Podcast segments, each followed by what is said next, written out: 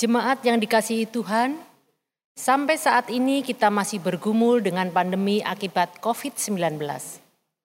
Oleh karena itu, di bulan Juni 2020 ini, ibadah masih berlangsung secara online. Jemaat, kita akan segera memulai ibadah dan selama ibadah berlangsung, dimohon jemaat tetap bersikap seperti mengikuti ibadah offline di gereja. Mari kita mengambil waktu untuk bersaat teduh sejenak.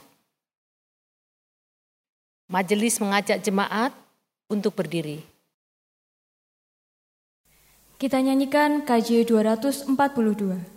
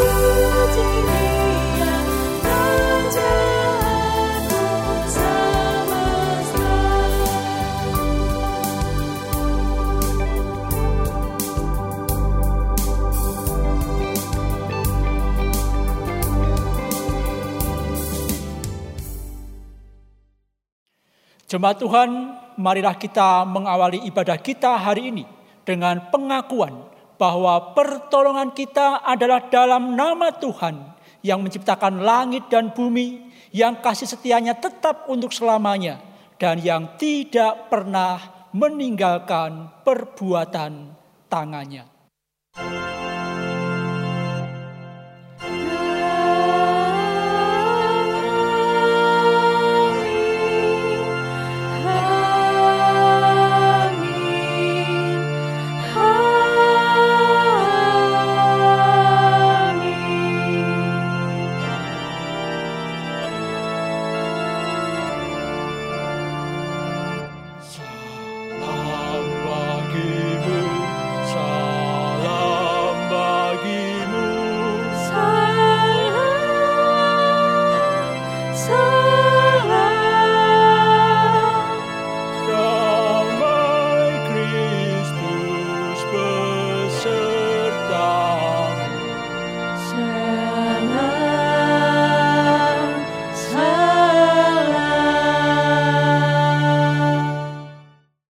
Shalom jemaat Tuhan, apa kabar? Sekian waktu kita bersama-sama bergumul bersama dengan merebaknya pandemi COVID-19. Bapak, Ibu, dan jemaat Tuhan, melalui peristiwa ini kita diingatkan bahwa manusia boleh berencana, manusia boleh mereka-reka perkara, tetapi ada banyak hal yang harus terjadi di luar kendali kita. Tapi kita bersyukur punya Allah yang hidup, tidak membiarkan kita sendirian, tidak menegakan kita melewati masa-masa sukar ini sendirian. Ada Allah yang hidup yang senantiasa menyertai kita. Hadirnya Allah Bapa, Allah Anak, Allah Roh Kudus yang hari ini kita akan hayati bersama. Kiranya semakin membuat kita yakin akan keberadaan Allah yang hidup di tengah-tengah pergumulan kita bersama. Mari kita memohon pengampunan Tuhan atas setiap dosa yang kita lakukan saat ini. Kiranya kita dimampukan untuk mengalami pembaharuan di dalam Tuhan. Mari kita berdoa. Dimuliakanlah Allah Bapa, Putra, dan Roh Kudus yang hadir di tengah-tengah dunia untuk menjangkau kami manusia yang berdosa. Pada hari ini di tengah situasi dan kondisi yang tidak mudah, kami mau senantiasa menaikkan syukur karena kebaikan Tuhan dinyatakan atas setiap kami. Dan dengan penuh kerendahan hati, pada saat ini kami merendahkan diri di hadapanmu ya Allah. Atas setiap dosa dan kesalahan yang kami lakukan di tengah-tengah kondisi yang ada. Mungkin di antara kami saat ini mudah sekali bersungut-sungut. Mungkin saat ini kami mudah sekali emosi karena tekanan yang ada yang harus ditanggung. Mungkin saat ini kami justru tidak menghadapi keharmonisan rumah tangga. Pada waktu kami banyak sekali untuk bisa bersama-sama di tengah kehidupan berkeluarga. Dan masih banyak hal lagi Tuhan yang kami mohonkan pengampunan padamu. Dan kami dengan sungguh-sungguh memohon pembaharuan yang datangnya daripadamu. Sehingga di hari-hari mendatang yang semakin tidak mudah, kami semakin yakin teguh bahwa ada Allah yang menyertai kami, memberikan kekuatan serta penghiburan senantiasa dari waktu ke waktu. Inilah seluruh doa kami yang kami naikkan, mohonkan di dalam nama Tuhan Yesus Kristus. Amin.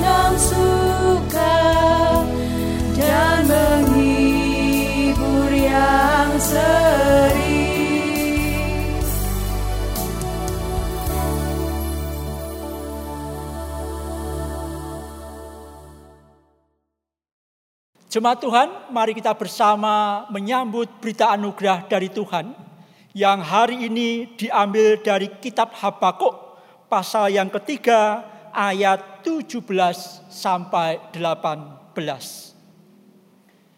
Sekalipun pohon ara tidak berbunga, pohon anggur tidak berbuah, hasil pohon zaitun mengecewakan. Sekalipun ladang-ladang tidak menghasilkan bahan makanan, kambing domba terhalau dari kurungan, dan tidak ada lembu sapi dalam kandang. Namun aku akan bersorak-sorak di dalam Tuhan, beria-ria di dalam Allah yang menyelamatkan aku. Demikianlah berita anugerah dari Tuhan. Syukur kepada Allah. Kita nyanyikan Kidung Jemaat 438.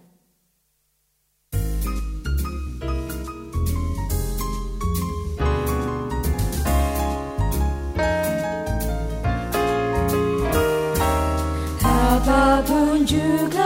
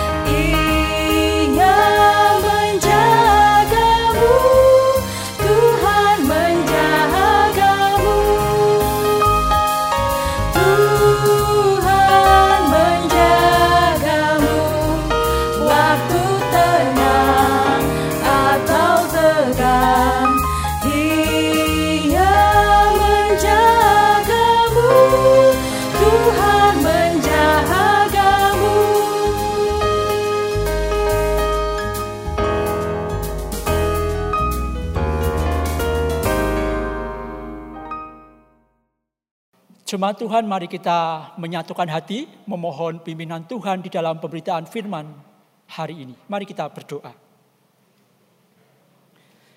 Ya Tuhan, inilah seruan hati kami, harapan kami kepadamu, bahwa Engkaulah penjaga kami di waktu tenang maupun tegang. Karena kami menyadari akan keterbatasan kami sebagai manusia yang rapuh ya Allah. Dan pada saat ini kami mengucap syukur. Kami hendak dikuatkan oleh sabda firman-Mu. Menghayati, menghidupi kembali akan iman kami kepada Allah Tritunggal. Yang di dalamnya kami melihat Allah yang hidup, Allah yang terus berkarya sampai saat ini, bahkan sampai selama-lamanya. Ya Allah kami mohon berkatmu, biarlah pemberitaan firman ini dari awal sampai akhir, benar-benar boleh menyapa setiap kami, sehingga kami semakin diperbarui di dalam iman kami kepadamu. Dan kami tidak takut, tidak khawatir untuk menyambut, menapaki hari-hari yang Tuhan anugerahkan kepada kami, yang di dalamnya kami tahu ada tantangan yang harus kami hadapi bersama. Di dalam nama Tuhan Yesus Kristus, Juru Selamat kami yang hidup, kami memohon. Amin. Injil Yesus Kristus menurut Matius pasal yang ke-28 ayat yang ke-16 sampai 20. Matius pasal 28 ayat 16 sampai 20. Dan sebelas murid itu berangkat ke Galilea, ke bukit yang telah ditunjukkan Yesus kepada mereka. Ketika melihat dia, mereka menyembahnya, tetapi beberapa orang ragu-ragu. Yesus mendekati mereka dan berkata, "Kepadaku telah diberikan segala kuasa di sorga dan di bumi. Karena itu pergilah, jadikanlah semua bangsa muridku dan baptislah mereka dalam nama Bapa dan Anak dan Roh Kudus. Dan ajarlah mereka melakukan segala sesuatu yang telah kuperintahkan kepadamu. Dan ketahuilah, aku menyertai kamu senantiasa sampai akhir zaman. Demikianlah Injil Yesus Kristus. Berbahagialah mereka yang mendengarkan firman Allah dan yang memeliharanya dalam kehidupan. Haleluya.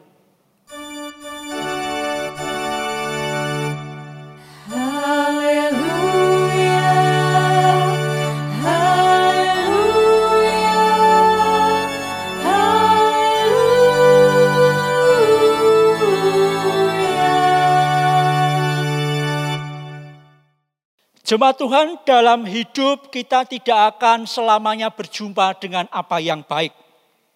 Ada kalanya kita akan berjumpa dengan sesuatu yang membuat kita bertanya-tanya. Satu lagu lawas yang mungkin Bapak Ibu kenal, yang akan mengingatkan kita bahwa ada realita di sekitar kita Perjalanan ini terasa sangat menyedihkan Sayang engkau tak duduk di sampingku kawan Banyak cerita yang mestinya kau saksikan. Di tanah kering bebatuan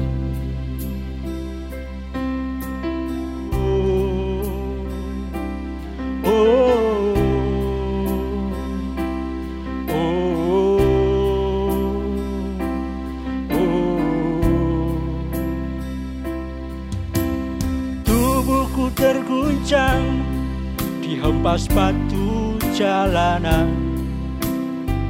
Hati tergetar mendapat kering rerumputan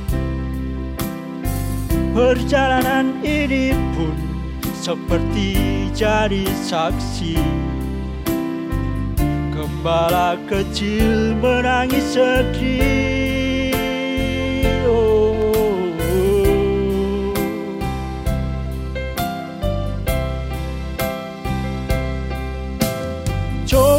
dengar kawan apa jawabnya? Ketika ia kutanya mengapa?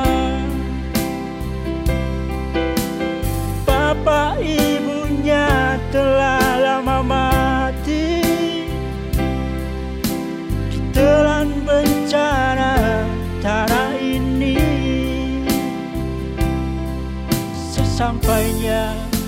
laut Ku kabarkan semuanya Kepada karang, kepada ombak Kepada matahari.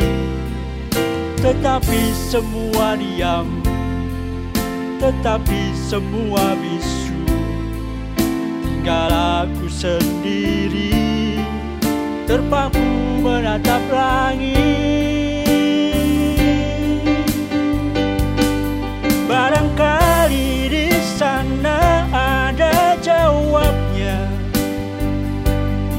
Mengapa di tanahku terjadi bencana?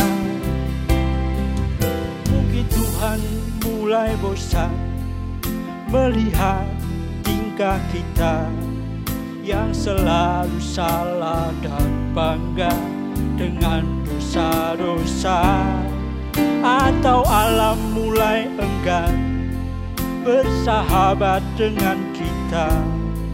Coba kita bertanya pada rumput yang bergoyang. Cukup.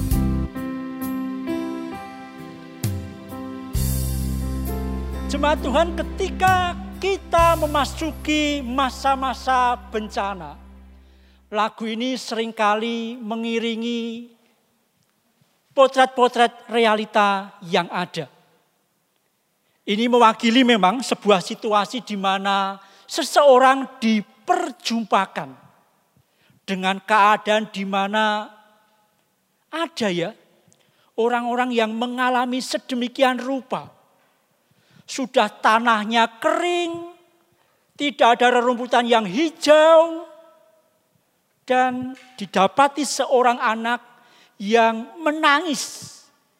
Ya, Ebit GAD terkenal dengan lagu-lagu baladanya yang menggugah jiwa. Dikatakan di sana, sayang kamu tidak bersama aku. Karena pada saat itu aku berjumpa dengan sebuah realita yang yang menyayat ada anak kecil menangis dan ketika ditanya, "Pengapa, Dek?" Ebit menceritakan, "Bapak mama sudah tidak ada. Aku sendirian. Aku tidak disertai dengan orang tua. Dan aku harus melewati kehidupan ini sendirian." Bukankah kita sering berjumpa dengan hal-hal seperti itu Bapak dan Saudara? Kok bisa ya Tuhan? Kok kenapa tidak dia? Kenapa harus dia? Bahkan mungkin di masa pandemi ini kita tidak merujuk pada orang lain, tapi justru merujuk pada diri sendiri. Tuhan kenapa aku harus melewati seperti ini? Aku di PHK, usaha tidak jalan, modal habis. Dan pertanyaan-pertanyaan itu juga dilontarkan kepada yang lain dan tidak ditemukan jawabannya. Ebit mengatakan, udah tanya kepada rumput yang bergoyang. Bapak saudara hari ini kita masih bergumul, bergulat, bahkan dimohon untuk berdamai dengan pandemi COVID-19. Tapi apakah kita masih menjadi orang Kristen yang lama, yang masih yakin bahwa Tuhan menyertai kita. Saya tidak tahu apakah Bapak Ibu dan Saudara hari ini masih merasakan, wow luar biasa Tuhan masih besertaku Pak. Tuhan masih menyertaiku.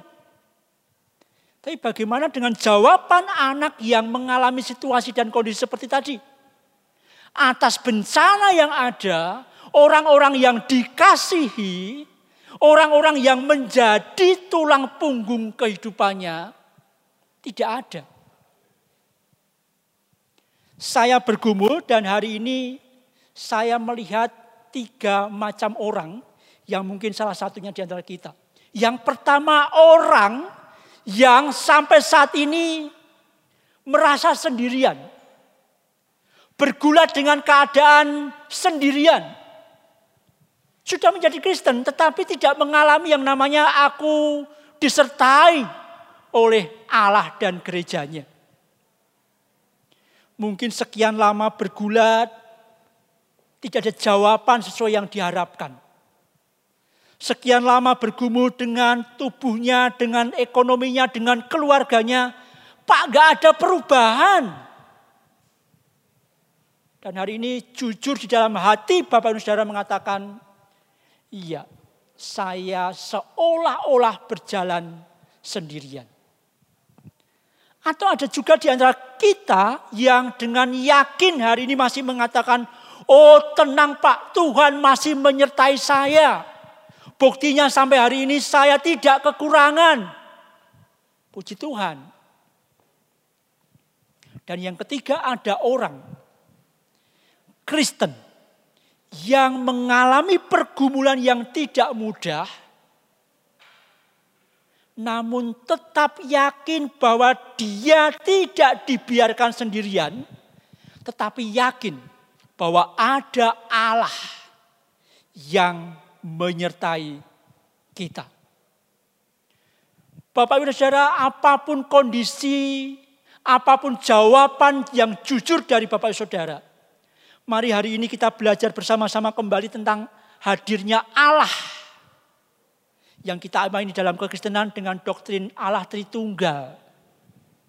Kenapa Pak Allah kita kok seolah-olah tiga? Kenapa Pak kalau kita bercakap-cakap memang yo sulit untuk menjelaskan sekian waktu belajar tidak menemukan apa makna di dalamnya. Berkali-kali di dalam kelas katekisasi saya katakan bahwa Allah Tritunggal memang tidak mudah untuk dimengerti. Tetapi kalau kita mau mendalami, maka tidak cukup dengan konsep, tetapi dengan pengalaman pribadi. Bahwa saudara Allah Tritunggal bagi saya adalah menunjukkan Allah yang hidup, yang tidak selamanya hanya duduk di tahtanya, tidak peduli dengan manusia yang diciptakannya dengan aneka pergumulannya. Tapi kita punya Allah yang hari ini kita hayati, Allah yang hadir dalam Allah Bapa, Allah Anak dan Roh Kudus adalah Allah yang selalu hadir menyertai kita.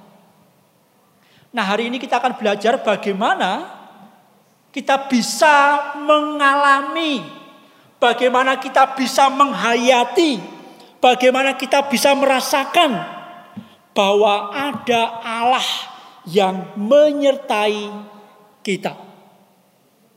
Allah yang hadir, Allah yang peduli, Allah yang mau ya memberikan kekuatan, perlindungan, bimbingan untuk kita dapat melakukan bagian kita di dalam hidup ini. Jemaat Tuhan, Allah senantiasa menyertai manusia. Karena Allah tahu kalau manusia itu berjalan sendirian, maka dia rapuh. Mudah sekali dia jatuh dan jatuh di dalam dosa. Maka hari ini atas situasi dan kondisi yang ada yang kita alami bersama-sama mari kita belajar meyakini bahwa Allah hadir menyertai kita. Bacaan kita di dalam Injil Matius pasal yang terakhir itu merupakan kisah pasca kebangkitan Yesus Kristus. Kemudian ketika Yesus bangkit, kemudian Yesus mengajak para murid untuk berjumpa di Galilea. Nah di dalam perjumpaan itulah maka muncul kembali. Muncul kembali penyataan Allah yang dinyatakan oleh Yesus akan adanya Allah Bapa, Anak, dan Roh Kudus. Memang di dalam Alkitab tidak muncul Allah Trinitas secara spesifik. Tetapi Bapak-Bapak gereja kemudian memahami bersama, kemudian uh, membuat sebuah doktrin gerejawi yang hari ini diakui oleh semua bahwa Allah kita adalah Allah yang esa, yang berkarya dalam tiga pribadi. Nah dari sanalah kita akan bersama-sama belajar bagaimana kita bisa mengalami penyertaan Allah. Yang pertama mari kita baca kembali ayat yang ke-16 Bapak dan Saudara. Dan ke sebelas murid itu berangkat ke Galilea, ke bukit yang telah ditunjukkan Yesus kepada mereka. Bagaimana kita bisa mengalami penyertaan Tuhan? Yang pertama adalah setia pada panggilan sebagai murid Kristus. Setia pada panggilan kita sebagai murid Kristus. Murid Kristus pernah mengalami masa-masa krisis di mana gurunya kok tiada. Gurunya ditangkap. Gurunya menyerah pada tujuan-tujuan yang ada.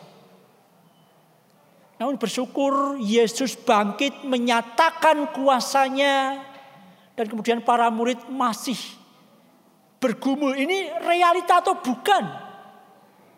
Dan puji Tuhan, realita itu direspon dengan positif dengan tetap setia pada panggilannya sebagai murid. Ketika Yesus mengatakan ayo berjumpa kembali di Galilea kita akan bertemu di bukit. Bapak dan Saudara, kalau kita melihat teks yang ada, maka kata bukit, kata gunung itu merupakan tempat yang khas di mana Allah menyatakan wahyunya, menyatakan perintahnya. Dan menuju ke bukit, menuju ke gunung itu butuh proses. Butuh perjuangan maka dibutuhkan yang namanya kesetiaan pada panggilan sebagai murid Kristus. Murid Kristus itu harus taat. Murid Kristus itu harus mau terus belajar. Murid Kristus itu harus tetap mau menjadi orang-orang yang belajar dari kebenaran maupun kesalahan, sehingga dari hari ke hari semakin naik kelas. Maka hari ini dari tiga tipe orang Kristen tadi, mana kita? Orang yang merasa sendiri, atau orang yang masih yakin bahwa Tuhan menyertai kita, atau kita mengalami situasi yang seperti sendiri tetapi yakin bahwa Allah menyertai kita.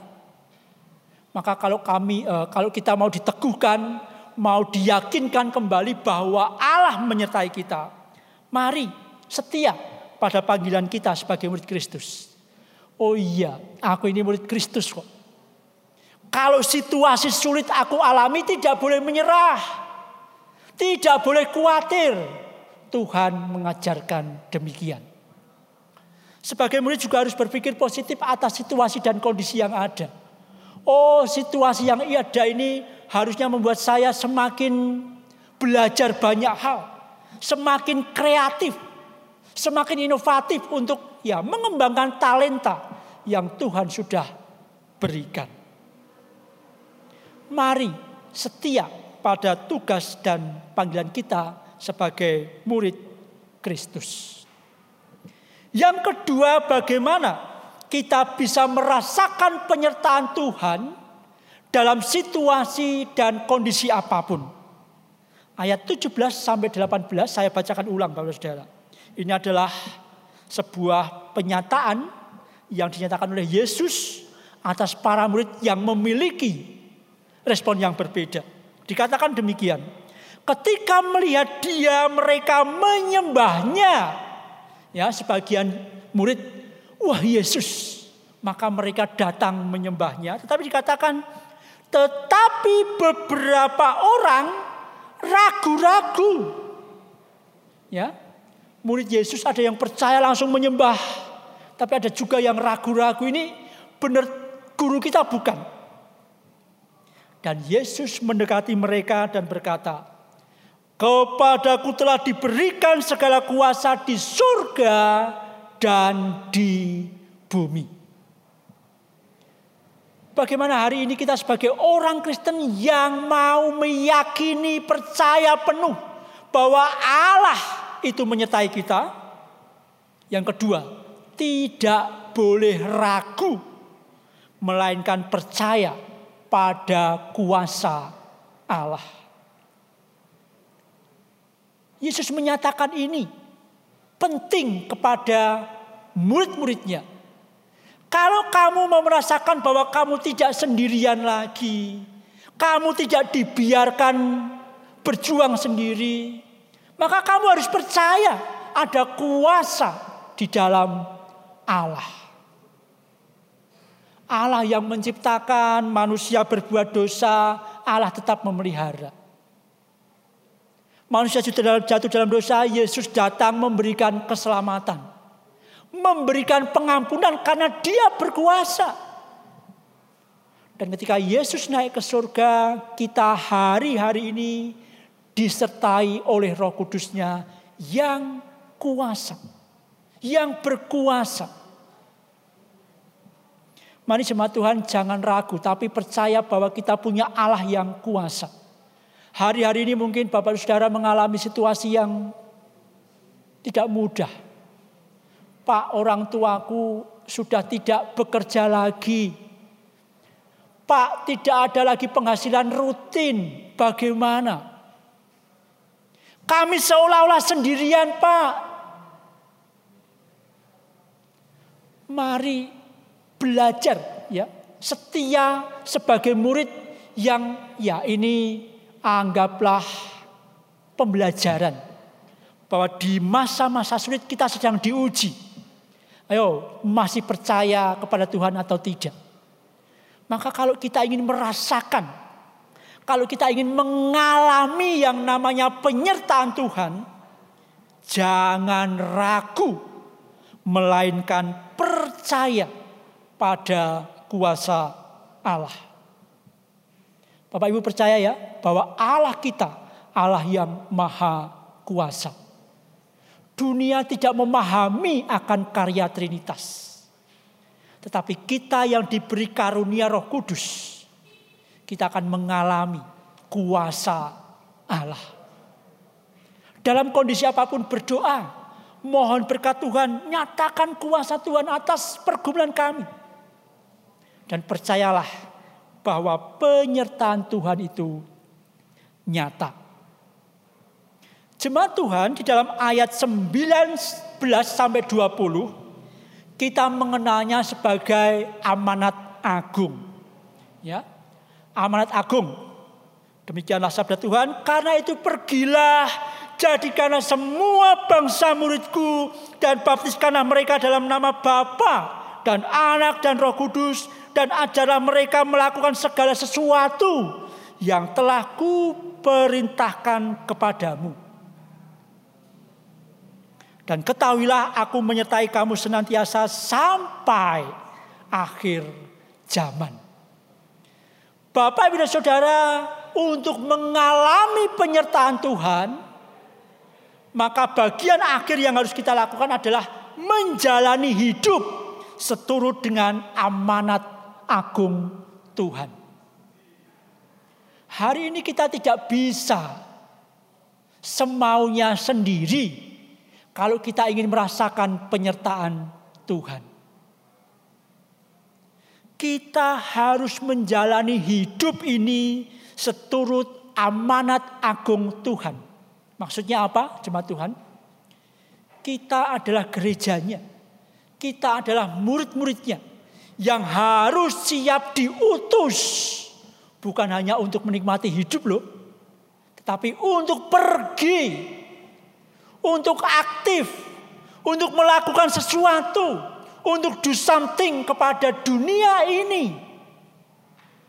Membawa kabar baik dari Allah di tengah-tengah keadaan yang ada. Pergilah, jadikanlah semua bangsa muridku, baptiskanlah mereka dalam nama Bapa, Anak, dan Roh Kudus. Kita diutus sebagai gereja yang membawa kabar transformasi. Membawa kabar yang membawa pertobatan. Membawa uh, kebahagiaan. Dan mengajarkan kepada siapa pun tentang apa yang benar di mata Allah. Kita punya tugas berat hari-hari ini Pak, gimana loh aku saja mengalami situasi yang tidak mudah. Bagaimana aku harus membimbing mereka yang saat ini juga mengalami pergumulan yang serupa. Mari tetap pergi. Hadirkan pengharapan. Hadirkan kekuatan walaupun kita juga tersiok-siok mungkin.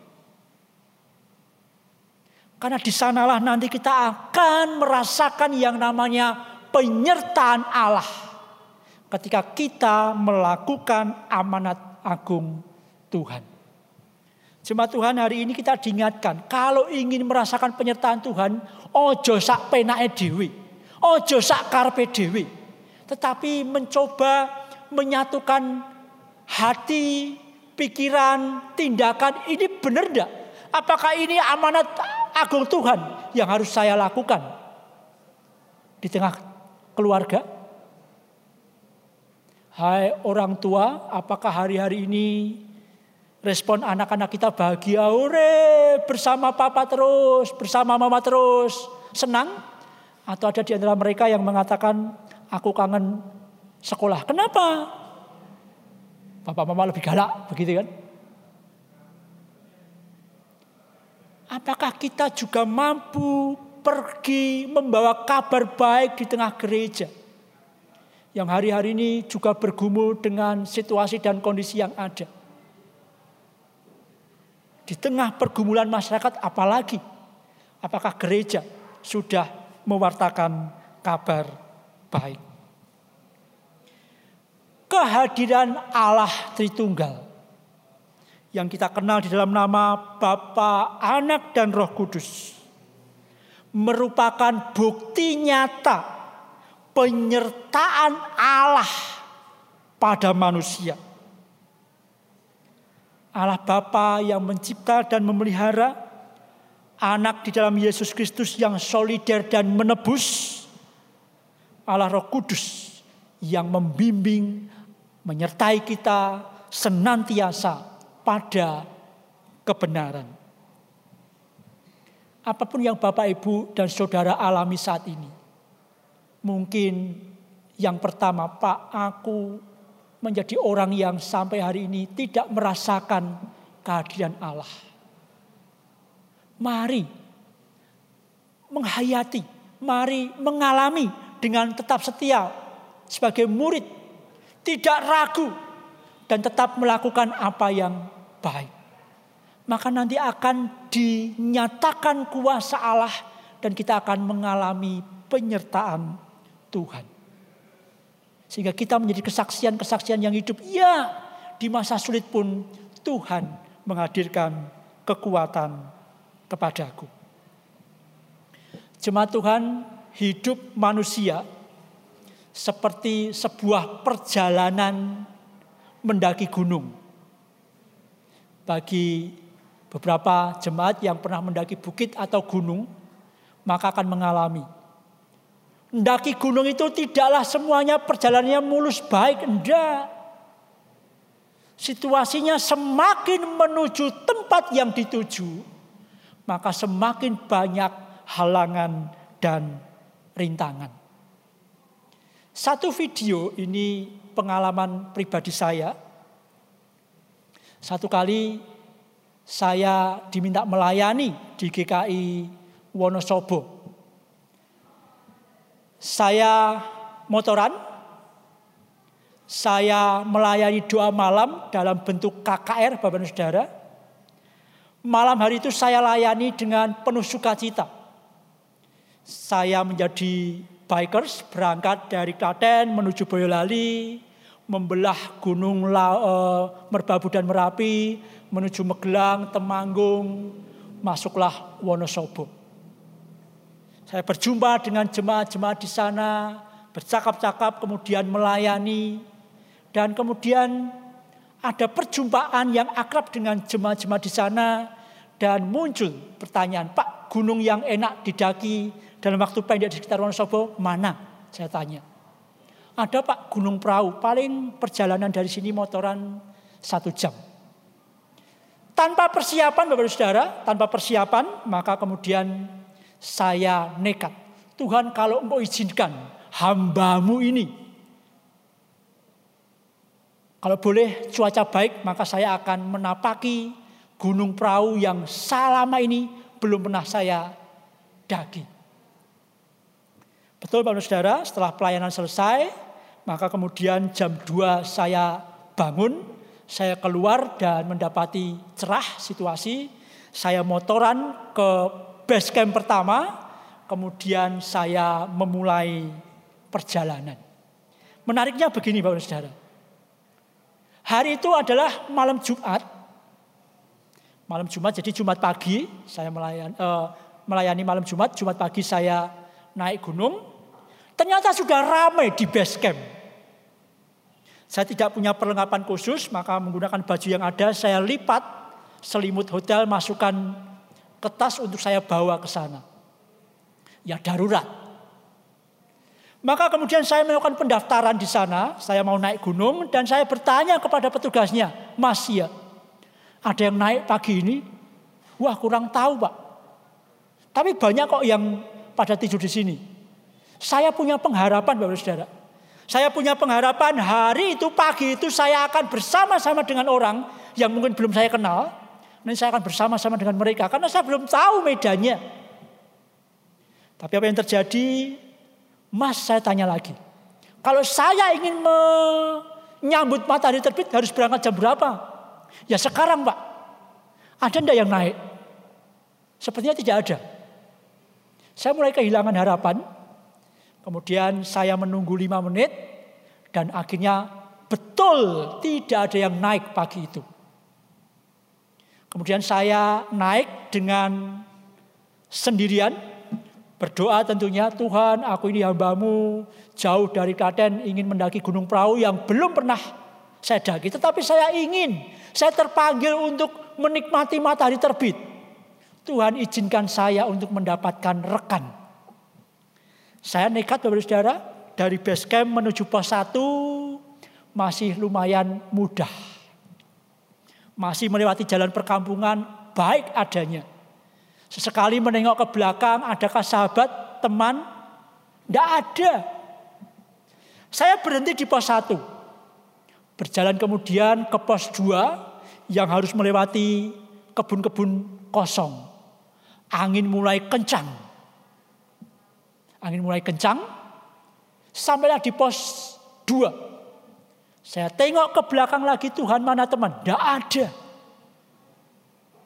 Saya teruskan Bapak Saudara. Dan di situ ada kios-kios lama yang sudah melambai-lambai. Bekas terpalnya seolah-olah seperti ya kalau dalam video-video uji nyali itu seperti uh, roh-roh yang menakutkan. Saya semakin kencang berdoa, Tuhan sertai saya kirim rekan untuk naik ke puncak. Saya berjalan sendirian, tidak ada satupun orang yang menyusul Bapak Saudara. Sampai di sebuah gerbang yang di tengah itu sudah ada hutan belantara, angin yang kencang dengan suara yang mengerikan. Aduh Tuhan saya berkata demikian. Ini ujiankah? Atau bagaimana? Masa satu pun tidak ada Tuhan yang beserta dengan saya. Itu pengalaman pribadi yang membekas sampai saat ini. Akhirnya saya berdoa kembali, mohon kekuatan Tuhan. Tuhan mampukan aku berani menerobos hutan ini, walaupun sendirian. Betul Bapak Saudara, saya belum pernah naik gunung itu sekalipun. Hanya berdirian di formasi, kemudian saya nekat. Dan memang betul angin semakin kencang, gelap. Saya naik perlahan demi perlahan. Sesekali menengok ke belakang, tidak ada seorang pun beserta dengan saya. Tapi saya meyakini bahwa Tuhan beri saya pelajaran. Aku ini muridmu. Berikan aku kesetiaan untuk me memelihara panggilan ini. Maka apa yang terjadi baru saudara boleh percaya atau tidak, mari kita lihat video berikut ini.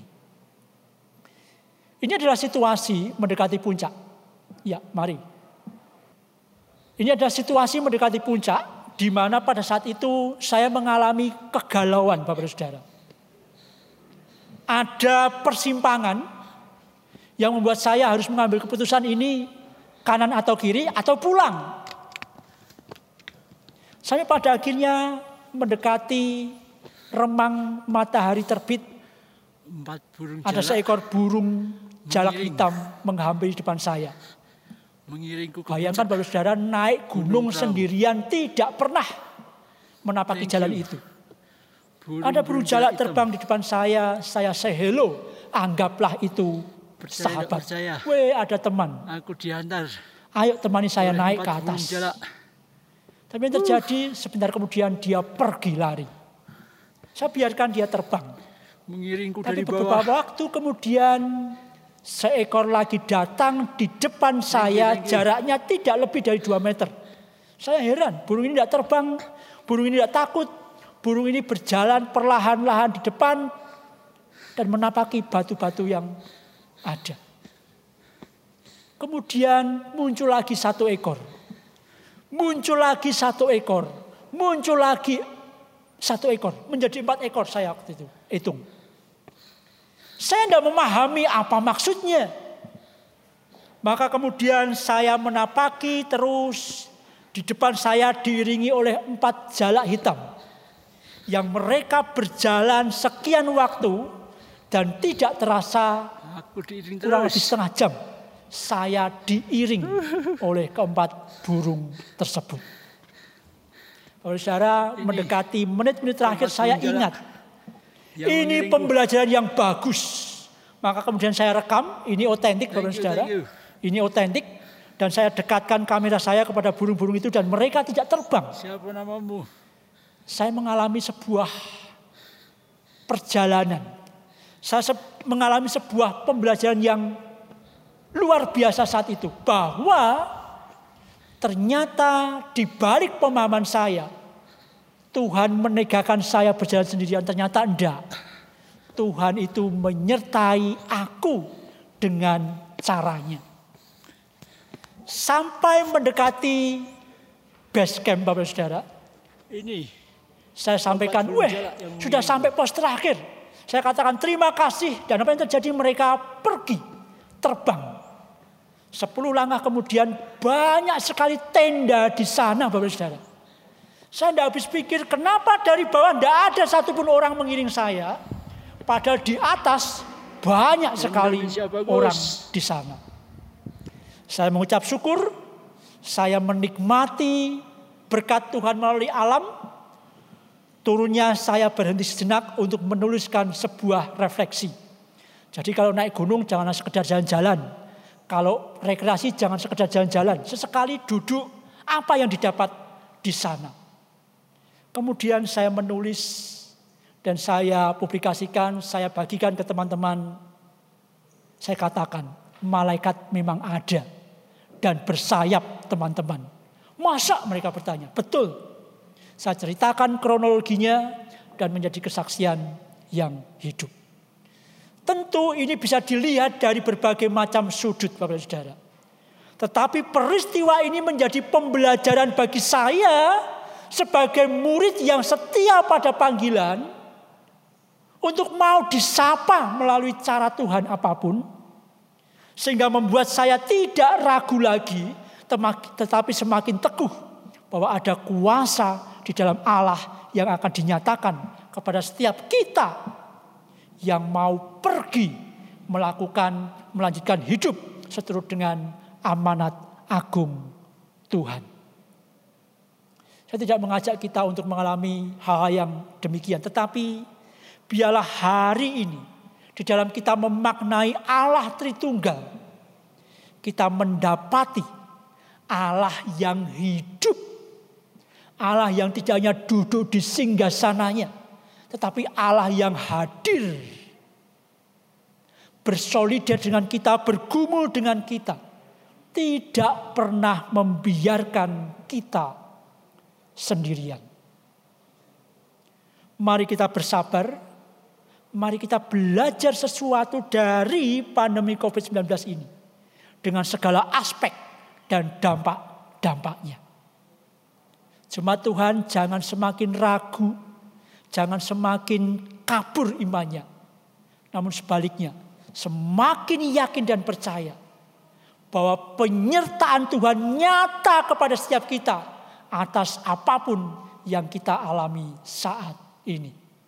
Selama kita setia pada tugas panggilan kita sebagai murid Kristus, selama kita tidak ragu dan percaya bahwa Allah berkuasa dan selama kita mau meneruskan kehidupan ini seturut dengan amanat agung Tuhan. Tuhan memberkati kita. Amin. Marilah kita bersama dengan umat Allah di masa lalu, masa kini dan masa depan mengingat pengakuan pada baptisan kita menurut pengakuan iman rasuli. Aku percaya kepada Allah, Bapa yang Maha Kuasa, kali langit dan bumi, dan kepada Yesus Kristus anaknya yang tunggal Tuhan kita, yang dikandung dari roh kudus, lahir dari anak darah Maria, yang menderita sengsara di bawah pemerintahan Pontius Pilatus, disalibkan, mati dan dikuburkan, turun ke dalam kerajaan maut. Pada hari yang ketiga, bangkit pula dari antara orang mati, naik ke surga, duduk sebelah kanan Allah, Bapa yang Maha Kuasa, dan dari sana yang akan datang untuk menghakimi orang yang hidup dan yang mati. Aku percaya kepada Roh Kudus, gereja yang kudus dan am, persekutuan orang kudus, pengampunan dosa, kebangkitan orang mati, dan hidup yang kekal. Amin. Jemaat Tuhan, mari kita menaikkan doa syafaat kita kepada Allah. kepada Allah Bapa kami yang bertahta di dalam kerajaan surga. Yang kami kenal di dalam nama Tuhan Yesus Kristus. Yang penyertaannya nyata sampai saat ini di dalam roh kudus. Kami bersyukur memiliki Allah yang hidup. Allah yang senantiasa menyertai kami. Pada saat ini mungkin setiap kami mengalami pergumulan masing-masing yang mungkin tidak mudah. Sehingga ada di antara kami yang mengatakan, aku berjalan sendirian. Aku tidak disertai oleh siapa pun. Atau ada di antara kami yang sampai saat ini merasakan luar biasa senantiasa karena Allah yang menyertai. Atau ada di antara kami yang saat ini bergumul dengan masalah yang tidak mudah tetapi yakin akan kehadiran Allah. Apa pun situasi dan kondisi kami ya Allah. Hari ini kami diteguhkan untuk percaya bahwa di dalam Allah yang kami kenal di dalam nama Bapa, Anak dan Roh Kudus adalah Allah yang penuh kuasa yang senantiasa hadir dalam setiap kami. Bagi kami yang bergumul dengan masalah ekonomi rumah tangga sebagai dampak dari pandemi COVID-19 ini kami mohon berkat Tuhan. Supaya di dalam hati mereka tetap berlimpah pengharapan. Bagi mereka yang hari-hari ini sedang menjalankan usaha. Namun terkoyak dengan keadaan yang ada. Kami mohon berkat Tuhan. Supaya mereka dimampukan untuk menjadi murid yang setia. Yang mau terus belajar. Mau mendengar, mau mengerti apa maksud Tuhan di atas semuanya itu. Apa pun yang menjadi pergumulan kami saat ini Tuhan. Juga atas sakit, penyakit, kelemahan tubuh, kekhawatiran, pergumulan apa pun. Mampukan kami untuk tidak meragukan kuasa Allah. Dan sebagai gereja yang utuh ya Allah. Kami mohon pimpinan dan penyertaanmu. Supaya kami siap untuk diutus oleh Tuhan. Mewartakan kabar baik. Secara khusus kami berdoa untuk gerejamu ya Allah. Di mana kami diutus oleh Tuhan untuk menghadirkan damai sejahtera bagi jemaat maupun lingkungan. Program diakonia tanggap COVID-19 masih berlangsung. Kiranya dalam kasih dan rahmatmu Tuhan cukupkan. Sehingga gereja ini dengan tulus, dengan syukur masih tetap mau melayani jemaat dan umatnya yang mungkin di antara mereka mengalami kekurangan bahan makanan. Program-program yang lain yang hendak kami susun kiranya ada dalam penyertaan Tuhan senantiasa. Kami juga berdoa untuk tantangan ke depan yang tidak lagi mudah. Kami mohon berkat Tuhan supaya gereja ini semakin diperlengkapi. Sehingga kerinduan kami untuk menjadi gereja yang hidup Gereja yang hari demi hari semakin diperlengkapi untuk bersaksi dan melayani. Itu nyata adanya di dalam Yesus Kristus. Perlengkapi gerejamu, perlengkapi umatmu, perlengkapi kami semuanya untuk siap diutus membawa kabar baik bagi dunia. Terima kasih Allah, inilah seluruh doa kami, permohonan kami serta ucapan syukur kami. Yang kami pinta di dalam nama Tuhan Yesus Kristus yang mengajar kami berdoa. Bapa kami yang di surga, dikuduskanlah namamu. Datanglah kerajaanmu, jadilah kehendakmu di bumi seperti di surga. Berikanlah kami pada hari ini makanan kami yang secukupnya. Dan ampunilah kami akan kesalahan kami, seperti kami juga mengampuni orang yang bersalah kepada kami. Dan janganlah membawa kami ke dalam pencobaan, tapi lepaskanlah kami daripada yang jahat. Karena engkaulah yang mempunyai kerajaan dan kuasa dan kemuliaan sampai selama-lamanya. Amin. Kini kita akan mengumpulkan persembahan dengan alternatif sebagai berikut. Yang pertama, transfer ke rekening BCA Klaten dengan nomor 03065993000 atas nama GKI Klaten. Kedua, dengan scan kode QRIS memakai aplikasi dengan keuangan fintech atau internet banking yang terinstal di handphone. Tiga, memasukkan ke kotak persembahan di gereja pada hari Minggu atau hari lain pada jam kerja kantor. Berlaku untuk persembahan mingguan, perpuluhan, syukur, dan persembahan lainnya. Dan alternatif terakhir adalah persembahan dapat disimpan terlebih dahulu dan disampaikan kemudian hari setelah kondisi kembali normal. Jemaat Tuhan, bawalah persembahan kita dengan sukacita pada Tuhan dengan firman Tuhan pari Mazmur 50 ayat 14 dan 23. Persembahkanlah syukur kepada kurban pada Allah dan bayarlah nasarmu kepada yang maha tinggi Siapa yang mempersembahkan syukur sebagai korban, ia memuliakan aku.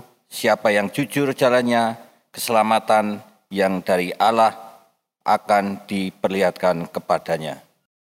Ya Allah Bapa, kami kembali ke datang ke mu ya Tuhan. Kami mengucap puji syukur terima kasih atas segala berkat rahmat yang Engkau limpahkan kepada kami. Dan pada hari ini Engkau izinkan kami untuk mengumpulkan persembahan bersama-sama. Tuhan Engkau berkati ya Tuhan. Sehingga persembahan ini bisa dipakai untuk kepentingan, untuk memperlebar kerajaan-Mu. Tuhan, ajarkan kami untuk mempersembahkan yang terbaik tubuh dan jiwa kami. Dan Engkau mampukan. Dan kami mohon ampun dari segala dosa kesalahan kami, di dalam kami mempersembahkan ini banyak sekali kekurangan. Di dalam nama Tuhan Yesus Kristus, doa dan persembahan ini kami naikkan. Amin. Jemaat Tuhan, apa pun pergumulan kita hari ini, mari kita yakini bahwa Tuhan hadir, Tuhan membimbing, Tuhan memegang erat tangan kita. Ketika kita mau berserah penuh dan memegang erat kuasa Tuhan. Kita nyanyikan Kidung Jemaat 410.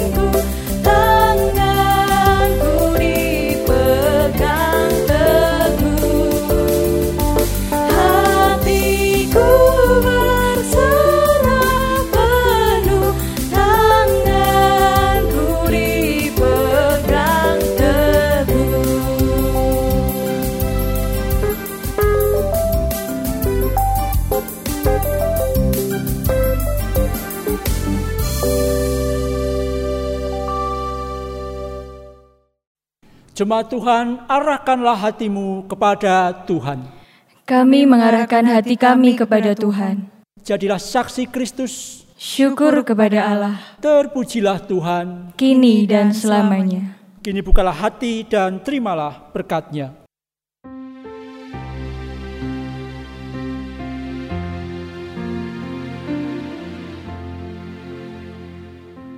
Tuhan